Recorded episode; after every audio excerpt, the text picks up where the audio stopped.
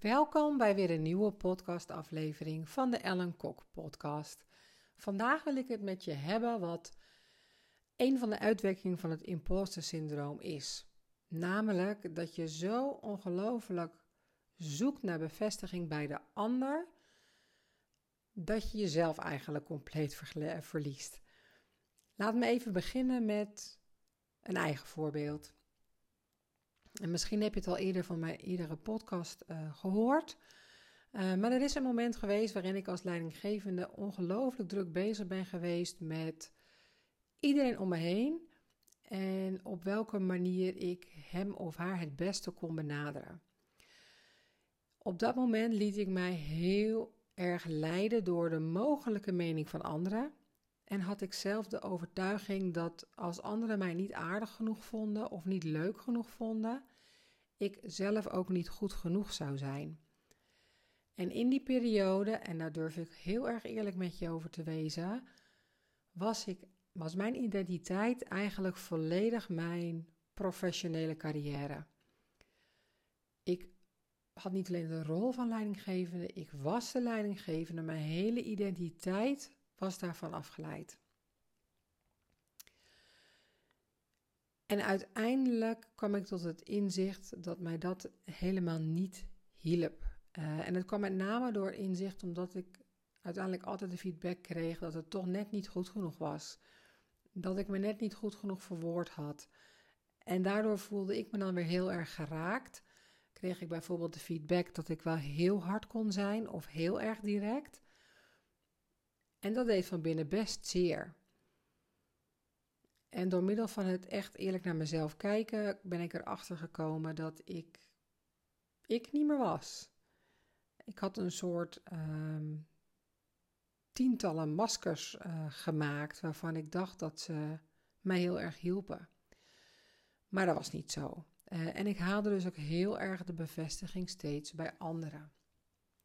Kortom, uh, ik wilde wat veranderen en ik wist echt het nodige over leiding geven. Ik had al diverse opleidingen uh, gevolgd, maar ik wist eigenlijk helemaal niet hoe ik dat op mijn manier kon doen. En daar wil ik in deze podcast het heel graag met jou over hebben, omdat ik niet de enige ben die dit heeft meegemaakt, maar ik zie ook nog steeds heel veel ambitieuze, talentvolle vrouwelijke leiders heel erg bezig zijn met vooral die ander en totaal niet met wat zij zelf nodig hebben. Dus ja, ik ben daarmee aan de slag gegaan en uh, uiteindelijk was voor mij de afdronk wel dat het me allemaal veel makkelijker afging. Het kostte me veel minder energie, uh, waardoor, omdat ik me ook niet meer zo in mijn hoofd bezig hoefde te zijn met wat Jantje, Pietje, Klaasje, Marietje uh, er allemaal wel niet van vond, uh, daar hoefde ik niet meer mee bezig te zijn in mijn hoofd. Uh, en dat maakte het ook een heel stuk rustiger. Uh, en merkte ik dat ik ook mijn ambities waar kon maken op de manier die bij mij past, bij mijn kwaliteiten. Eh, en dat ik inderdaad, zoals men dan wel eens noemt, je hebt wel heel veel mannelijke energie. Nou, dat is zo. Ik hou echt van resultaten boeken en ik, ik neem ook snel besluiten en ik ga graag ook door. Maar dat wil niet zeggen dat dat het enige aspect aan mij is. Maar lange tijd mocht dat er van mezelf ook niet zijn, die krachtige kant, omdat mijn omgeving het niet wilde zien bij mij. Nou, dat station is inmiddels allemaal wel gepasseerd.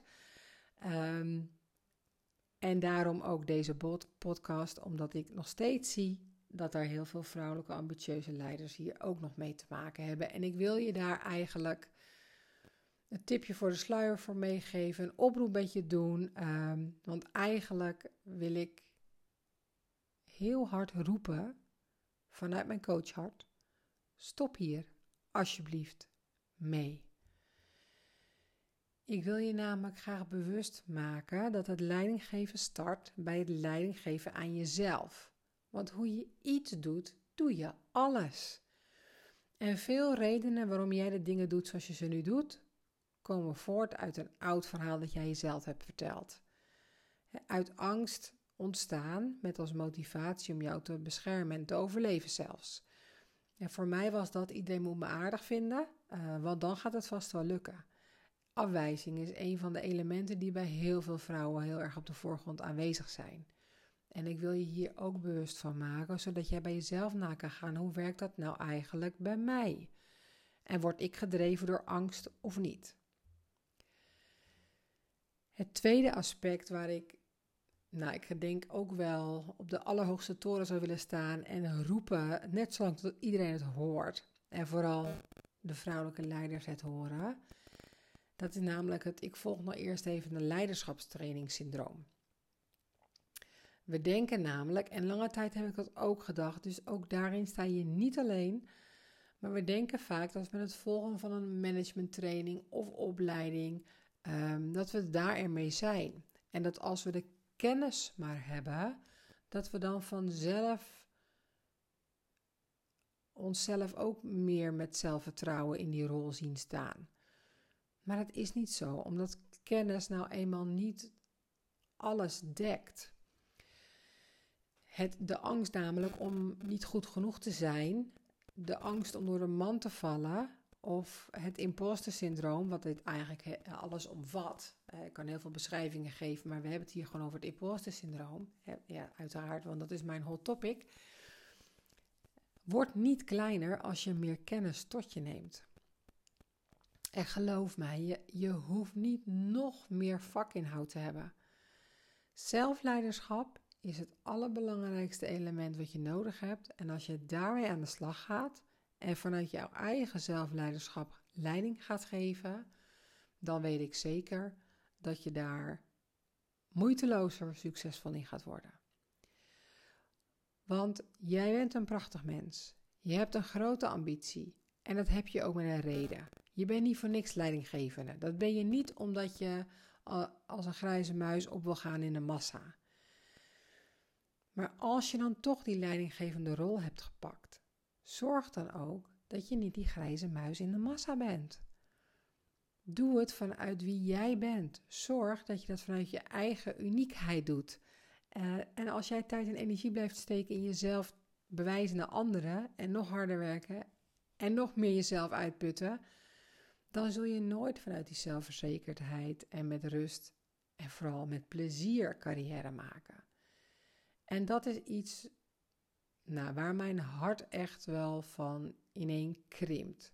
Omdat ik echt weet hoe het is om zo gefrustreerd, onzeker en moe te zijn dat je bijna bereid bent om jouw fantastische rol als leider aan Harry te geven.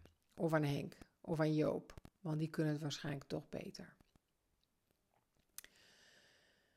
En misschien herken je het wel. Die keer dat je weer voor die boardroom staat, jezelf maar weer vermant, diep inademt en bij jezelf al denkt: daar gaan we weer. Iedereen gaat roepen hoe goed ze het voor elkaar hebben. En ze denken vast dat ik het niet goed genoeg voor elkaar heb. En alleen al die gedachten zorgt ervoor dat je eigenlijk weer geïrriteerd raakt, vooral op jezelf, omdat je dan weer twijfelt. En natuurlijk weet je ook dat het geen helpende gedachte is. Want het is rationeel voor jou ook best wel helder. Maar het ontstaat in een reflex. En de vraag is natuurlijk of het echt is wat jij denkt dat het is. Want William Shakespeare zei het al: niets is goed of slecht. Het denken maakt het zo. En dan kom ik toch ook weer op de mindset. En in de vorige podcast, nummer 29, heb ik het er ook al even over gehad. Maar de manier waarop jij denkt, wat jouw overtuigingen zijn en hoe jij mee in je leven staat, zorgen ook hoe jij omgaat met gebeurtenissen en jouw reacties daarop. Dus je hebt een gedachte, je bent hem niet. Dus als je al een affirmatie zou willen hebben of een mantra die jou helpt de gedachten van je gevoelens af te snijden, dan kan je tegen jezelf zeggen: Ik heb een gedachte, ik ben het niet. Ik hoef er niet naar te handelen. En heel misschien helpt het je ook gewoon om er iets luchtiger over met jezelf in gesprek te gaan. En het lachen is een ongelooflijk goed antistressmiddel. Dat herken je vast wel. Als je ergens een slappe lach van hebt gekregen, ben je daarna helemaal ontspannen. Dat heeft alles te maken met de gelukshormonen die vrijkomen, zoals endorfine, oxytocine en serotonine. Daar krijg je een prettig gevoel van. Je voelt je meteen gelukkiger. Ehm, dus als je nou weer merkt dat je zo streng bent tegen jezelf, lach er dan gewoon om. De bonus die je dan meteen pakt, is dat je ook minder gevoelig wordt voor stress en dat je meer energie ervaart. Het klinkt zo cliché en je hoeft echt geen lachtherapie voor mij te volgen. Uh, dat gaat mij namelijk ook iets te ver. Maar als je gewoon opstaat en bij jezelf denkt: vandaag ga ik gewoon lachen, no matter what. Dus als er iets mislukt, ik haal gewoon mijn schouders op en denk bij mezelf: daar ging ik weer. Um, en ik neem mezelf niet zo serieus. Mij helpt het heel erg. Want ik kan mezelf wel op mijn kop slaan als ik bijvoorbeeld weer net iets te kort af heb gereageerd. Maar dat maakt mij niet blijer. Sterker nog, chagrijniger. Dus de kans is groter dat de eerstvolgende een nog kortere reactie krijgt. Nou, voor je het weet heb je zo'n leuke visuele cirkel te pakken. En eentje, en dat is wel, ik denk wel mijn allergrootste golden nugget, als je het dan zo moet noemen. Ik noem het alles door het putje. En nee, je hoeft niet een heel uitgebreid spaarritueel te hebben. Je hoeft er niet voor naar Hof van Saxe. Helemaal nergens niet. Als je namelijk de tijd hebt om te douchen, heb je ook de tijd om je hoofd leeg te maken en verbinding met je lijf te krijgen. De douche is namelijk een perfecte plek om alles van je af te spoelen. Heerlijk te ontspannen en je hoofd leeg te maken. En als het goed is, ben je er ook alleen en heb je geen afleiding. En anders zou ik gewoon lekker de deur op slot doen.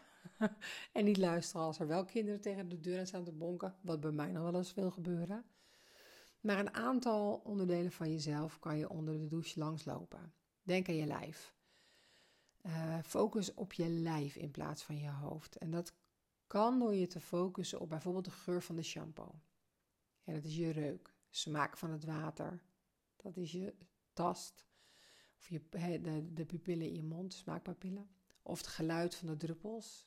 Nou, dat is dan weer als je graag luistert naar dingen. Of het gevoel van de water op je huid. Of het licht in de ruimte. Dat zijn allemaal zintuigen die er met elkaar voor zorgen dat je nu zijn. En dat je dan in verbinding komt met je lijf. Dus pak echt, je hebt nog nooit zo'n goed excuus gehad als nu voor dat heerlijke ritualspakket. Uh, of andere olie als je dat lekker vindt. Uh, want daarmee kan je heerlijk afstemmen op je lijf. En mocht je nou toch merken dat je weer in je hoofd schiet, geen probleem. Visualiseer dan dat je alles van je uit je hoofd met een waterstraal langs je rug meegenomen wordt, zo het putje in en via het riool wordt afgevoerd. Mij helpt het enorm. Ik krijg er altijd een heel erg heerlijk ontspannen en opgeruimd gevoel van. Misschien helpt het jou ook, deze podcast. Helpt het je om wat vaker om jezelf te lachen als het even niet lukt? Helpt het je voor een mini-spa-ritueel thuis uh, in te voeren? Uh, en helpt het je ook om extra bewust weer te zijn dat je een gedachte hebt, maar dat je hem niet bent? Hoe dan ook, ik hoop dat deze podcast voor jou van waarde is geweest. Als je nou denkt, ik vind hem echt heel waardevol en dit zouden meerdere ambitieuze vrouwelijke leiders moeten horen, dan zou je mij heel erg helpen, maar ook vooral al die andere vrouwen door mijn podcast te waarderen in iTunes of Spotify. Uh, volg ook vooral dit kanaal zodat je geen enkele aflevering mist.